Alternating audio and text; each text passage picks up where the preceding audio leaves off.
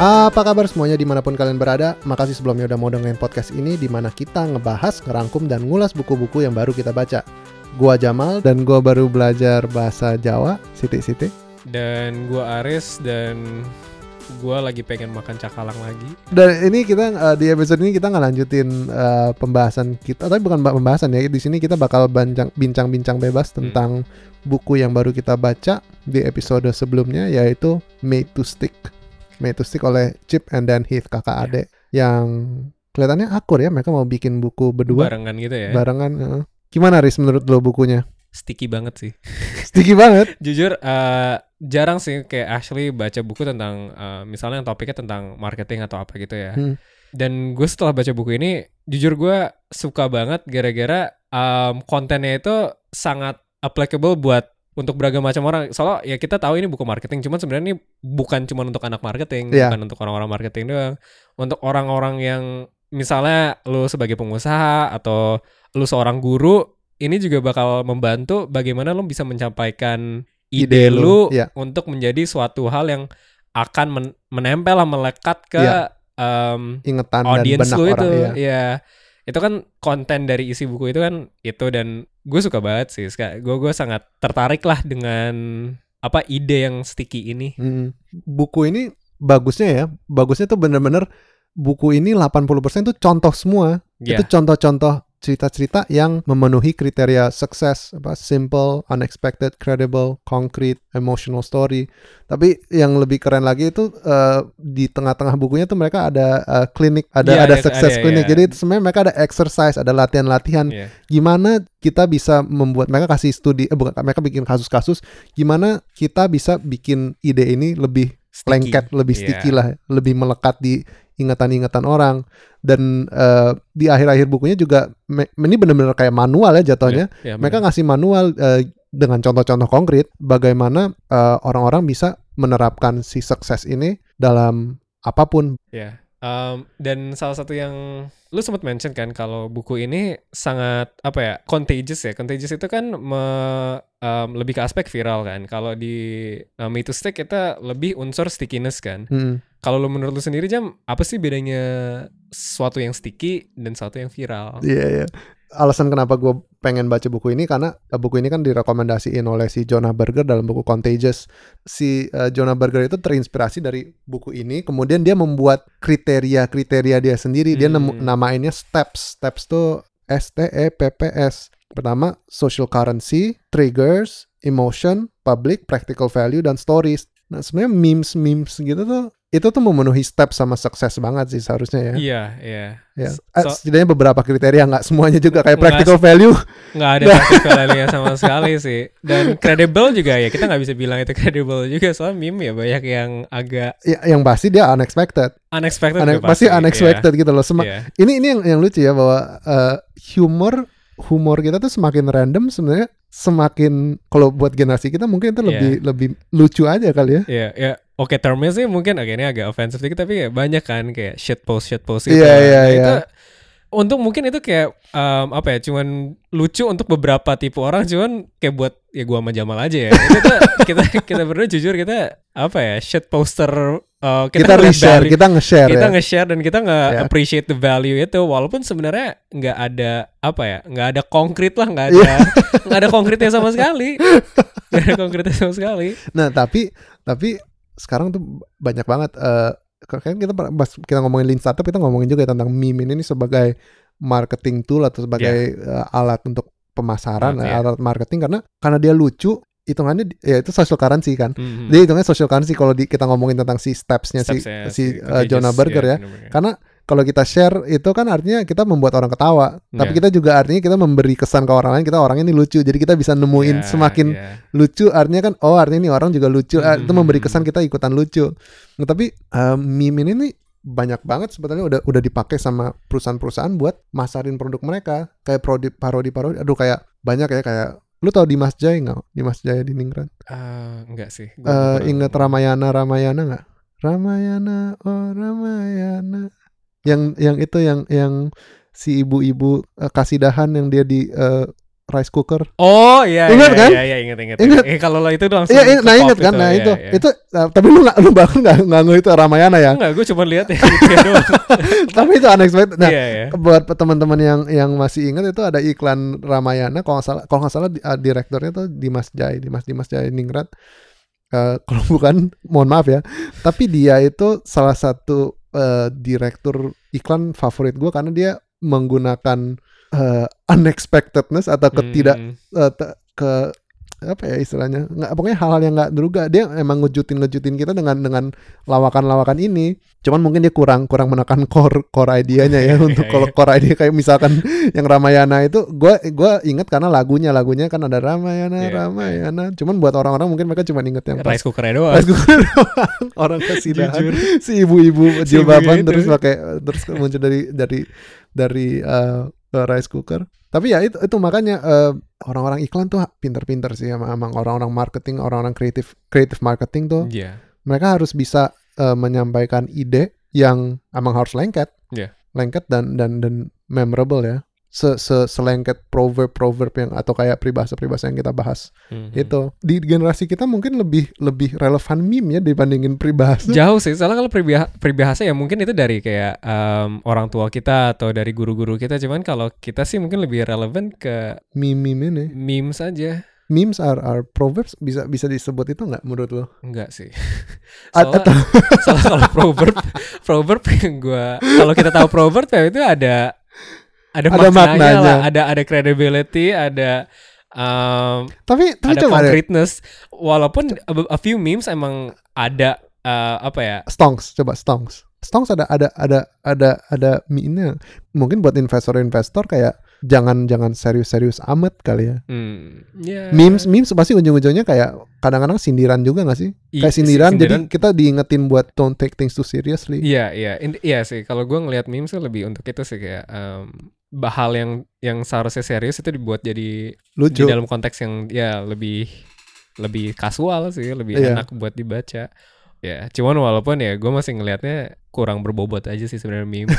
Mungkin udah ya.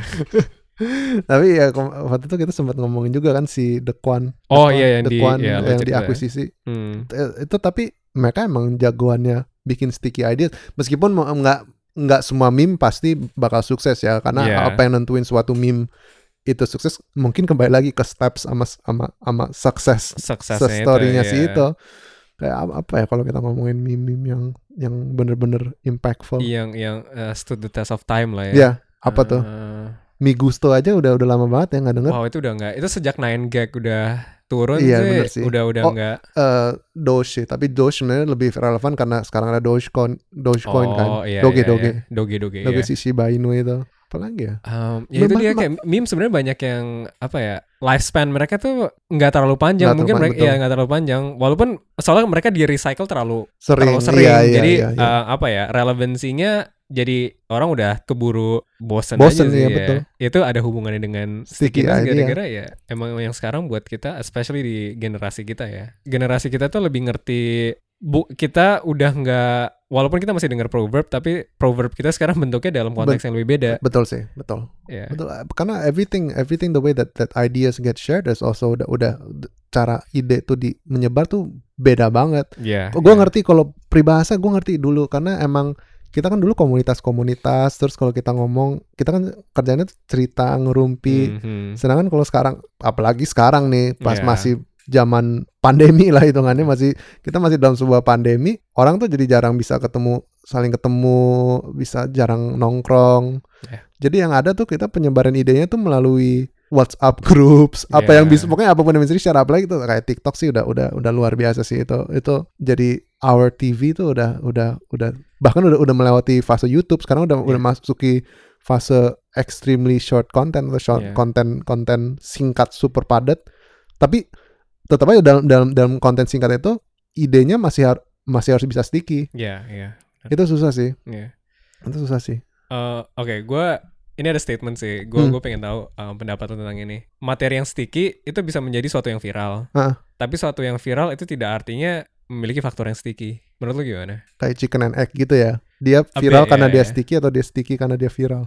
Uh, lebih ke uh, lebih ke ini sih. Um, sesuatu yang viral itu bukan artinya mereka memiliki uh, unsur-unsur yang sticky. Kayak kalau sticky kan bisa lebih kemungkinan akan menjadi viral dibandingkan kalau viral itu nggak necessarily sticky. Soalnya contohnya kayak misalnya memes ya. Hmm. Banyak memes yang viral tapi abis itu nggak sticky sama kita. Kita nggak bakal nggak terlalu iya sih, mengingat bener lah. sih. Bener sih. Sticky idea itu bukan berarti bahwa dia bakal menurut gue ya.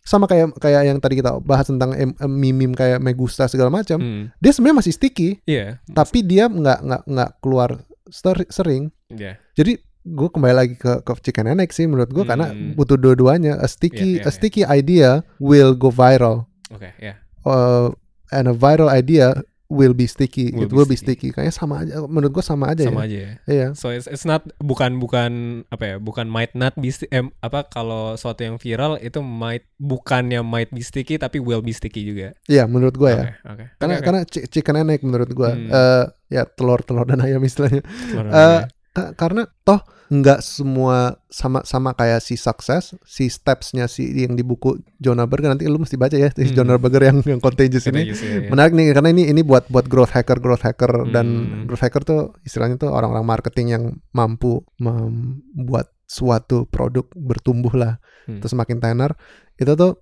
eh, di contagious itu sama halnya kayak sukses dalam arti nggak semua unsur harus terpenuhi Hmm, karena bisa aja cuman memenuhi beberapa unsur atau bahkan cuma satu unsur itu aja bisa bisa sticky gitu iya loh. iya iya. Nah, coba kalau kalau kalau kalau gimana kalau kita ngomongin si lean startup kemarin, kita ngomongin sukses lah. Oke. Kita ngomongin simple nggak kemarin? Oh, tapi kita ngomongin dalam konteks kita penjelasan kita kemarin ya. Menurut lu cukup Oh. simple nggak eh, eh, penjelasan kita eh, apa rangkuman dan dan pembahasan kita tentang sukses kemarin? Eh ten- tentang si Tentang si lean, lean startup, startup. ya. Kalau dalam matriksnya si sukses ini simple jelas nggak simple sih. Soalnya pembahasan kita kita menggunakan bahasa-bahasa, kita masih menggunakan jargon yang sering dipakai di Iya. di buku itu dan Iya. kita ya gara ya itu It- dia itu sama curse of knowledge itu. Iya, betul, betul. Curse of knowledge ya kita soalnya udah keburu tahu tentang jargon-jargonnya kita mau ngebahas ke orang yang tidak tahu kita ngerasa susah Susah, but- dan, Susah. dan mungkin juga sebenarnya di episode sebelumnya yang episode kita ngerangkum dan ngebahas si si startup? si eh, bukan buku ini Made to Stick Oh, mungkin itu ya. pun mungkin nggak nggak nggak agak susah dipahami orang juga ya mungkin Iya, kita nggak ya. memenuhi sukses tapi emang emang itulah namanya curse of knowledge eh, di mana kalau kita udah tahu well, you cannot unlearn what you've learned. Dan Iya. mencoba untuk menjelaskan ke orang lain tuh emang membutuhkan contoh Kong- benar. yang yang konkret. Kita tapi nyampein the core nggak menurut lo? Kita nyampein inti idenya si sim, si lean startup nggak? Menurut gue sih kita sudah kita cukup menyampaikan inti intisari dari intinya apa deh? Intinya lean startup itu apa? Build measure learn. Nah itu. Gue juga setuju sih. Tiga itu aja sebenarnya yang paling penting itu sih Iya. build measure learn. Karena measure. sisanya itu emang pengembangan dari si proses feedback loop ini nih Iya, apa iya. proses umpan balik yang namanya build Hmm. measure learn bahwa lu harus eh, berani build atau Iya. mem- membangun sesuatu dan dari pembelajaran itu eh, dipakai buat iterasi berikutnya Iya. yaitu mengulang loop Mengulang ini loop balik ya refresher aja buat orang yang udah dengar kalau lean startup itu yang penting build measure learn Iya. build measure learn it nah kalau eh, secara unexpected ada yang unexpected nggak dari, dari dari cara yang kita penyampaiannya mungkin pas kita bincang bebasnya mungkin ada hal-hal yang unexpected kali Iya, ya. ke- kemarin ada temen gue agak bingung kenapa gue tiba-tiba nyanyi eh, New York. New York Empire State of Empire Mind. State- Empire State of Mind. yang gue kira lagunya Kanye West ternyata Jay-Z Oh, iya, emang gue bilang itu lagunya Kanye West. kita kira Kanye West soalnya Lu kali, Oh, kalau iya, itu mah gue tahu. kali. Iya, gue gue mah tahu itu si si si Jay Z sama si eh, siapa Alicia Keys ya. Oh gue kira Estelle itu kan eh, tuh apa American Boy. oh American Boys iya, Beda American itu. Boys, iya, iya. Ya mung- mungkin ada ada hal-hal mungkin ada cara-cara yang kita bisa bikin lebih unexpected.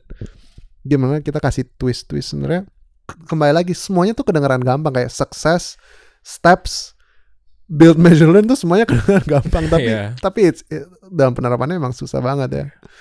Oke, credible ah, kita sih kita kemarin mungkin udah udah ngasih contoh-contoh kali ya. Iya. Eh, kon- sorry konkret, konkret, Oh konkret. konkret ya, ya kita memberikan contoh yang menurut menurut gue sih em, udah cukup menca apa ya me- me- mencakup topiknya secara luas lah. Ya, credible ya Credible mungkin kurang gara-gara kita nggak ada kita nggak ada authority dalam Oh iya, ya dalam benar. bidang itu. Betul, betul, betul. Betul. Tapi tapi setidaknya kita bukunya sendiri udah punya internal credibility Iya, kan iya, bahwa benar, itu ditulis oleh si IMVU. Iya, iya. Ya, tapi kalau penyampaian kita mungkin enggak ya.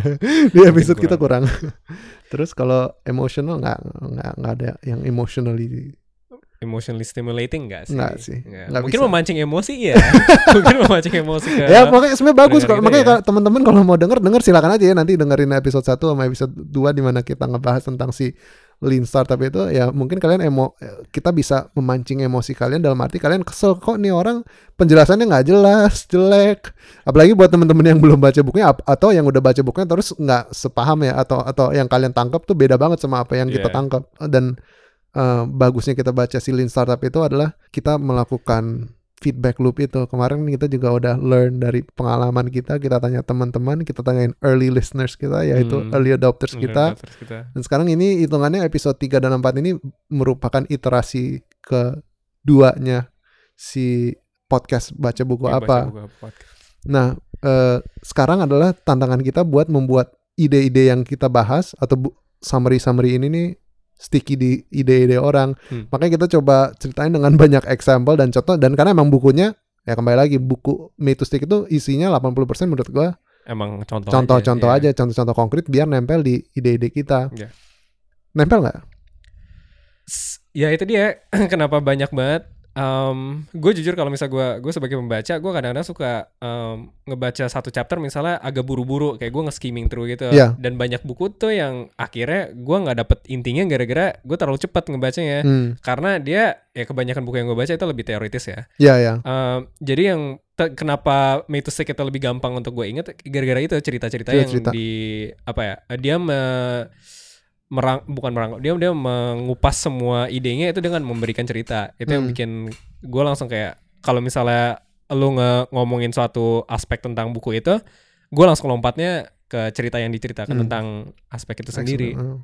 Menurut lu jadi cara paling baik buat ngajarin atau nyampein sebuah ide itu gimana? Efektif nggak sih buku-buku textbook textbook itu menurut lo? to an Yang- extent ya gue nggak bisa bilang enggak soalnya ya gue belajar mostly I spend my time Oh, textbook. studying itu dari textbook kan Hmm. maksudnya adalah di mana teori itu kepake cuman at the same time gimana lu me, apa ya membungkus teori itu dalam kemasan yang orang-orang bisa ngerti Em, salah satu contoh sih gue salah satu guru yang inspirational banget buat gue tuh pas SMP em, dia itu menceritakan tentang em, pokoknya satu konsep science yang menurut gue abstrak banget pada Hmm. saat itu. Hmm. Tapi dia melalui ceritanya, gue agak mungkin kalau gue ceritain agak-agak terlalu panjang sih. Cuman intinya sih dia menceritakan em, secara simple, walaupun nggak bener, Hmm. tapi gue jadi inget core-nya. Hmm. Itu menurut gue yang apa ya? Mungkin gue nggak bilang pengajaran secara teori itu salah. Hmm. Ada ada keperluannya di mana kita perlu belajar secara teorinya.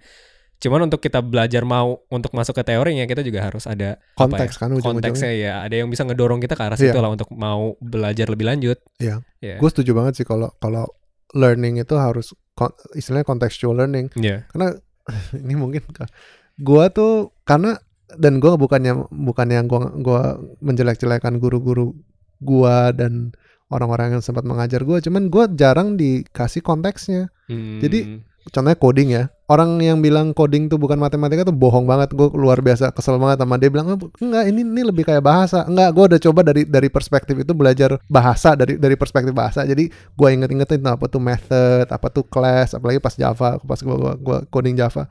Tapi lu butuh banget yang namanya dasar kayak log logaritma tuh butuh banget. Functions tuh F kan Hmm. functions tuh luar biasa penting banget kalau Iya. di di di di di uh, coding apalagi waktu gue belajar JavaScript dan dan nggak nggak bisa tapi seandainya pas dulu gue diajarin matematika dari konteks oh ini nih buat bikin ini Hmm. gue bakal lebih paham gitu loh ya ya. dan ya. gue gue gue tuh I wish ya I wish tuh kita diberi simulasi tuh kayak gitu Hmm. kayak dikasih konteksnya dulu ya ya. kayak ini nih bakal berguna buat apa gitu loh waktu itu pas gua gua kelas coding gua agak kecewa karena bukan kecewa tapi kayak kenapa nggak nggak kita nggak dari awal tuh deconstruct aplikasi shopping gitu loh Hmm. baru kita dikasih tahu oh ini nanti metodenya masuk sini ini kelasnya masuk sini Oh, oke oke. gitu loh kayak dari awal kayak matematika diajarinnya ya itu kayak pakai pakai pakai case study gitu loh Hmm. kayak dikasih simulasi karena nanti konteksnya lebih lebih lebih nyangkut Iya. menurut gua ya jadi orang tuh bukan belajar cuma karena sekedar